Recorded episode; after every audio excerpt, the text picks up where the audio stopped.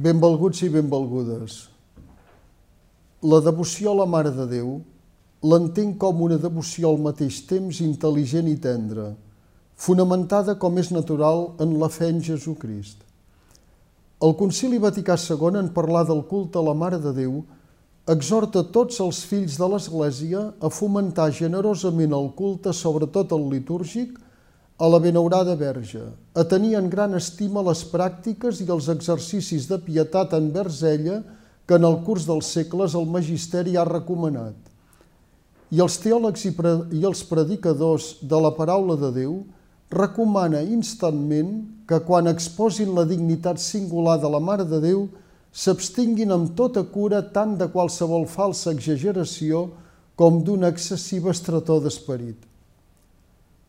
La devoció a la Mare de Déu ha de ser intel·ligent.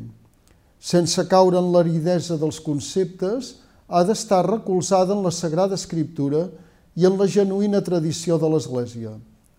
I tant l'una com l'altra han fonamentat la veneració a Maria en el fet real de ser mare de Jesús i, en conseqüència, si bé en un sentit diferent, mare de l'Església.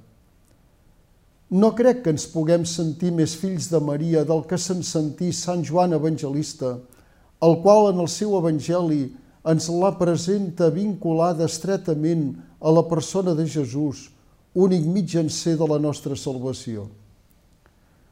La devoció a Maria ha de tenir un toc de tendresa, sense caure en el sentimentalisme i menys encara en una veneració mítica de les seves imatges. L'Església, quan beneeix una imatge de Maria per a la veneració dels fidels, fa la següent pregària. Que la imatge que mirem amb els ulls ens quedi gravada en el cor per tal de tenir una fe indefallent, una esperança ferma, un amor diligent i una caritat sincera. Hem d'adreçar-nos a Maria amb afecte i tendresa, i que la contemplació de la seva imatge ens mogui a imitar-la. Les relacions mare-fill mantenen l'efectivitat al pas dels anys. És natural, doncs, que tota pregària adreçada a Maria tingui un to de tendresa propi de les relacions d'un fill amb la seva mare. Tornem als passatges del Vaticà II sobre Maria. En la continuació del que abans hem esmentat hi trobem escrit Recordin els fidels que la veritable devoció no consisteix ni en un efecte estèril i transitori, ni en una certa vana credulitat, sinó que procedeix d'una fe autèntica per la qual som portats a reconèixer l'excel·lència de la Mare de Déu i incitats a un amor filial a la nostra Mare i a imitar-ne les virtuts. En aquest mes de maig fomentem aquesta genuïna devoció a Maria, i a més enguany invoquem-la especialment perquè acabi la pandèmia. Això és el que ens ha demanat el papa Francesc, tot resant el rosari en família o en comunitat. El papa ha implicat de manera especial tots els santuaris marians del món i n'ha escollit 30 de representatius perquè guiïn l'oració mariana.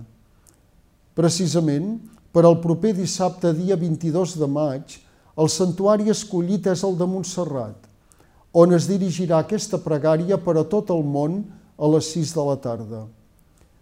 En el comunicat vaticà ens recorda, d'altra banda, que cada santuari està convidat a resar en la forma i el llenguatge en què s'expressa la tradició local, per invocar la represa de la vida social, del treball i de les nombroses activitats humanes que es van suspendre durant la pandèmia. Aquesta convocatòria en comú pretén ser una oració contínua, distribuïda pels meridians del món, que tota l'Església eleva incessantment al Pare per la intercessió de la Mare de Déu. Ni que sigui des de casa, participem-hi de cor i amb devoció filial. Adéu-siau i fins la setmana vinent, si Déu vol.